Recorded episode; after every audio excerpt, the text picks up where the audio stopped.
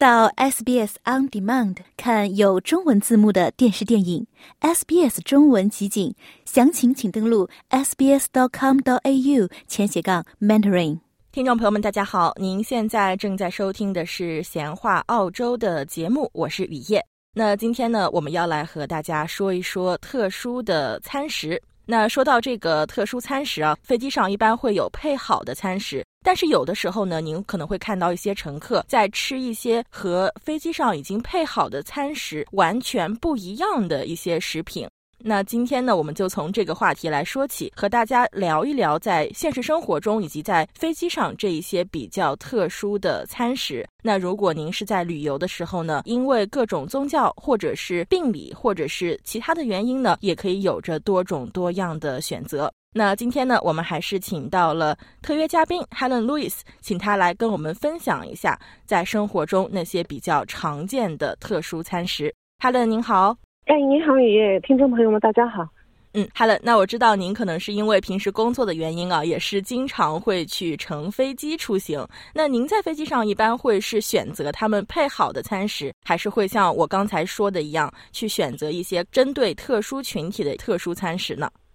呃，我觉得就是作为一个吃货，我是非常幸运的，也可能是因为幸运才能够呃荣升吃货呃 这个职位吧。因为呃我没有呃任何对食物的过敏啊，也没有任何宗教上面的信仰导致我必须吃任何一类餐食。所以对我来讲呢，就没有必要去要求预定一些比较特殊的餐食。但是，比如说我的朋友他是属于肤质过敏，所以呢，他每一次坐飞机之前呢，都必须要事先预定好无肤质的餐食。对他来讲呢，就是有一个好处，就是别人的餐上来之前，他就可以先吃了。因为一般来讲，特殊餐食呢，他们是会首先发放的。嗯，在我们开始这个比较仔细的盘点飞机上有哪些特殊餐食之前，可不可以请 Helen 给我们说一下，为什么会有这种特殊餐食的存在呢？怎么说呢？飞机上的飞机餐呢？呃，因为是要在很早之前都已经做好准备了，所以呢，品种并不是特别多。呃，一般来讲呢，经济舱的话只有两种选择，但是呢，对有些人来讲，病理餐除外，还有宗教餐，他们是遵循非常严格的一种饮食习惯的。所以呢，为了能够让所有的人在飞机上都能够在进餐时间能够有。有饭吃吧，应该说，所以呢，其实航空公司很多呢，起码会给出几种选择，这样的话呢，就能够满足到大家，不管是宗教也好，病理也好，或者由于其他原因，能够满足他们的要求。嗯，那一般除了这些因为宗教原因而要选择特殊餐食的旅客们，还有什么一些其他的餐食可供有特殊需求的旅客们选择呢？呃，比如说素食嘛，素食呢，这个其实是很普遍的，大家也听到 vegetarian 的人非常的多嘛，所以呢，现在素食也是作为一个比较普遍的选择。还有呢，就是 vegan，那就是纯素食主义者，因为其实素食下面有很多大类，但是 vegan 呢，它本身来讲其实是一种生活理念吧，比较受欢迎的吧，暂且用这个形容词来讲。还有一个呢，就是现在对肤质过敏的人特别多，而且糖尿病的患者呢也越来越多了。所以呢，一般来讲，航空公司呢也会对他们的提供的餐食进行适当调整，能够来适合这两类人。当然了，还有就是儿童餐是为年龄比较小的孩子准备的，对于小孩子来讲就比较容易进食吧。嗯，那根据哈伦刚才说的呀，大概是有这几类：宗教餐、病理餐、儿童餐、素食餐。那可不可以请哈伦从宗教餐开始讲起，给我们听众朋友们来做一个介绍呢？最大的两类，呃，一个是回教餐，就是清真的；还有一个呢，就是呃犹太餐。清真的呢，就是 halal；还有一个呢，犹太餐就是 kosher。从宗教餐的角度来讲，定回教餐跟呃犹太餐的呢，这两种的需求可能是最大的了。其实 halal 跟 kosher 就是清真跟犹太。其实平时我们在超市也可以看到很多有的食品，可能我们买的时候都没有注意，但是呢，它上面会有呃 halal 或者 kosher 的标记。因为呢，它的制作过程是严格遵循那两个宗教对于饮食制作方面，呃，如果是动物类的蛋白质，那杀生的整个程序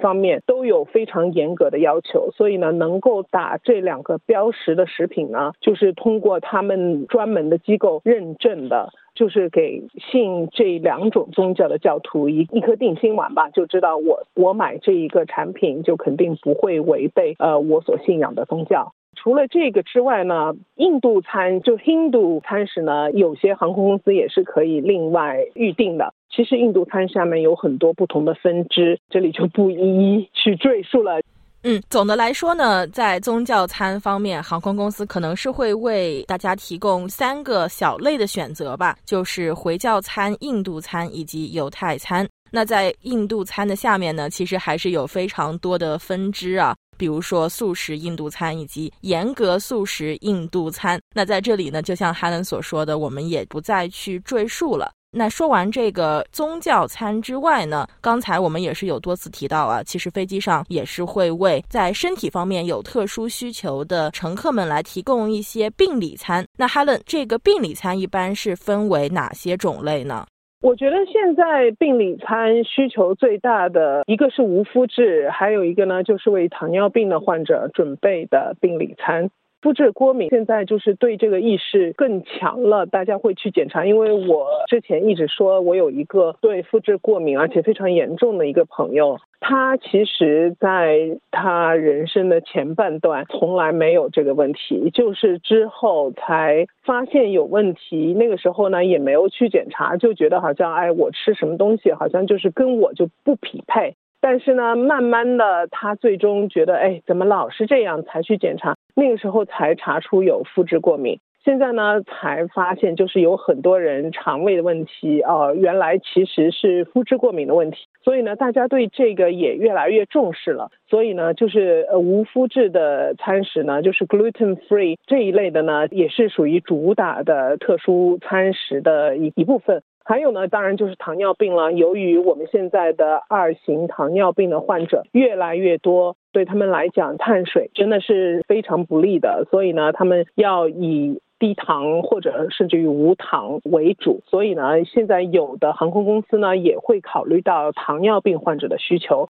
所以也可以预定糖尿病类的饮食。其他呢，就比如说低卡路里啊、低胆固醇啊、低乳糖啊，这个呢就比较小众了。所以呢，不是所有的航空公司都能够有给大家这些选择。嗯，所以呢，在病理餐方面来说呢，一个就是为这个糖尿病患者特别设计的饮食啊，那还有呢，一个是专门为这个肤质过敏的乘客来准备的一些餐食。中间呢是不会含带麸质的食品，比如说小麦呀、荞麦呀、黑麦呀这些和麦类有关的，在这种餐食中都是不会涵盖到。那除此之外呢，就是一些比较小众的一些餐食，比如说低胆固醇呐、低脂肪啊、低热量啊，以及低乳糖这一些，还有一些更为小众的，比如说流质餐啊、低盐餐呢。那这些呢，也是要根据航空公司运营方面的一个考量，有些航空公司是不会向乘客朋友们提供这一类餐食的，所以大家在坐飞机之前呢。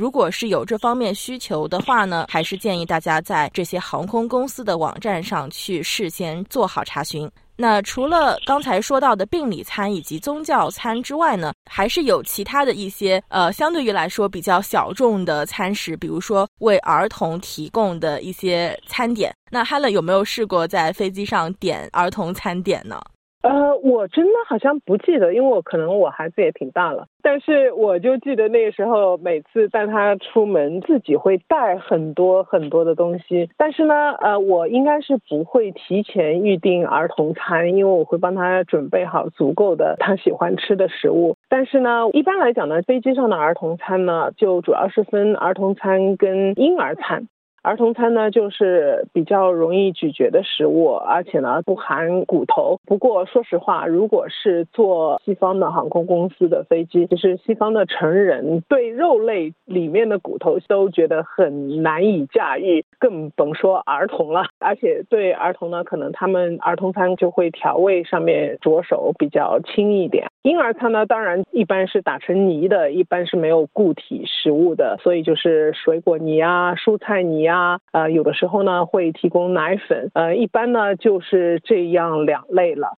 当然了，他们同时也会提供一些儿童的玩具。其实说实话，呃，我呢是挺喜欢飞机餐的。我先生呢，他是一个一上飞机还没进入跑道他就已经可以睡着的人。但是呢，我是一个在飞机上没有办法睡觉的人，所以呢，我是特别喜欢飞机餐，因为对我来讲，这是一个消磨时间的一个方式。所以对孩子来讲呢，他们在提供儿童餐的同时呢，同时也会给他们一些玩具啊之类的，也是帮他们消磨一下时间，同时呢，就是为父母减轻一些压力吧。嗯，是的，可能也是想去转移一下孩子们的注意力啊。如果是有一个相对于来说比较好玩的玩具在飞机上，他们可能也能稍微比较安心一些吧。因为有些小朋友在坐飞机的时候还是会感觉到恐惧和紧张的。那说完这个儿童餐之后呢，其实还有一个非常非常大的种类，就是素食的餐食。那 Helen 可不可以给我们来说一下，在飞机上除了刚才我们提到的印度的，相对于来说是一个宗教理念上的素食来说，有没有一些其他相对于来说是生活选择上的一些素食的餐食可以提供给大家呢？呃，其实素食呢，大家都知道，素食呢是 vegetarian，随后呢就是有一种纯素食主义者叫 vegan 嘛。vegetarian 呢虽然说叫素食，其实 vegetarian 下面呢还分很多不同种类的，有的呢是可以喝牛奶的，有的呢觉得可以吃鸡蛋、吃牛奶，这个没有问题。还有一些呢素食的人可以吃鱼，觉得吃鱼没有问题。所以呢，其实 vegetarian 就素食下面呢还分许多种种类，但是飞机上一般来讲呢，他们提供 vegan 纯素食的可能比较多一点，因为这样呢可以保证就是让所有的在素食主义这一个大的概念下面的人都可以满足。但是需要提一下的就是那个 vegan，其实它并不是一个饮食习惯的问题，vegan 它是一个生活哲学，它是一个生活理念。它就是不能有任何从动物上获利的，所以他的生活中不能接触任何可以被认为是从动物上获利的东西。就比如说，他们是不会穿皮鞋或系皮带之类的，也不会穿皮夹克，因为这样就是等于是从动物的皮革上获利吧。所以呢，vegan，呃，我觉得把它说成是素食，把它当成一种饮食的习惯呢，其实还是不太正确的。但是如果你要素食餐的话呢，一般选 vegan 的餐食，不管你是哪种素食主义者，呃，一般都是适合你的。嗯，所以说很多航空公司啊，可能也只是会在素食方面提供一个选择，那就是严格意义上的素食的餐食，以去满足更多的素食主义者的需求啊。因为可以说，这个严格素食其实是包含了其他各种选择性素食中的一些种类，所以呢，也是可以让更多的人能在飞机上享用到他们想要享用到的餐食。那刚才呢，我们也是主要跟大家分享了四大类的飞机上的餐食啊。那一个呢就是宗教餐，那另外一个呢是病理餐，其他呢还有儿童餐和素食餐。那 Helen 除了这个四大类之外呢，还有没有一些更加小众的餐食，大家有可能可以在某些航空公司的飞机上面去选用到呢？呃，接下来我能够想到的就是有人对某些食品会过敏吧。所以呢，他们通常会去要求看看有没有办法可以订没有他们过敏源的食物的那种餐食。但是呢，这种要求呢就很难满足。比如说从过敏来讲，有很多是海鲜过敏，这个呢觉得还可以哈，只要不是订有海鲜的餐食就可以了。但是呢，对坚果过敏啊，就是像芝麻这类东西过敏的人呢，其实很多。但是他们去订餐的话呢，一般来讲不一定每一次都能满足，最多呢就是航空公司会给他看一下他们的餐食的配料表。最后呢，看看配料表里面有没有会让他们过敏的那一些东西，因为有的时候就比如说坚果过敏吧，万一他做的餐食里面没有坚果，但是他用的油是花生油，那可能就又是造成一个潜在的危险。所以呢，如果有过敏性反应，对任何一样呃食物有过敏性反应的乘客呢，我觉得应该是特别的小心。嗯，是啊，那我们之前呢也是做过一期和过敏相关的节目啊，记得当时我写的标题是“过敏无小事”。也是记得当时 Helen 是在节目中分享了自己身边切身发生过的一个故事。那如果是有兴趣的听众朋友们呢，可以在网络上去回听我们这一期的节目，更多的了解过敏反应的一个严重性，以及在生活中我们可以怎么样去更好的防止相关过敏反应的发生，以及帮助自己身边可能是有过敏反应的人。那今天呢，我们大概的这个归类啊，也就是说完了。那记得呢，前面也是跟大家说到，并不是所有的航空公司都会提供刚才我们以上说到的所有的餐食。那 Helen 可不可以以我们的澳洲的航空为例，来说一说澳洲的航空它一般会提供哪几种的特殊餐食呢？澳洲航空呢，一般来讲，它就是比如说病理餐，如果你是糖尿病患者呢，你可以提前要求他们给你送专门为糖尿病患者准备的餐食。还有呢，就是它有一个叫 gluten and dairy friendly，这个呢就是说对麸质过敏的人，也就是说不含麸质的。随后呢，对乳糖不耐，因为现在乳糖不耐也是一个问题。所以呢，他们会提供一些没有奶制品的一些食物，同时呢，他们有的时候甚至于会保证，就是这些食物里面没有坚果之类。也就是说，如果你是对哪些食物有过敏的话呢，你可以去跟航空公司沟通一下，看看他们这个是不是就是对坚果过敏的人，是不是也是在这一个分类之下。随后呢，他们会提供素食的餐食，所以呢，一般来讲呢，就是不会有动物的蛋白质，比如说肉类啊。蛋类啊、牛奶啊之类的，包括海鲜，也就是说我们刚才说的，虽然说素食主义下面有很多不同的类型，但是对于航空公司来讲，如果能够提供一个能够涵盖全部的话，那么他们就会把所有与动物有关的原材料配料都会去除。还有一个呢，就是一个严格的印度素食餐。那就是说，它不会有任何跟动物有关的原材料跟配料，也不会有鸡蛋啊、啊牛奶之类的。随后呢，也没有根茎之类的那些蔬菜。接下来，它就是有宗教类的 kosher 跟 halal。这个呢，其实我们就不用去赘述是什么有什么没有，因为如果听众朋友是信这两种宗教之一的话呢，他们就可以放心。如果信犹太教，那么你去订 kosher 的话，那就肯定可以吃一个放心丸。这个航空公司给你的那个餐食肯定是 kosher 的。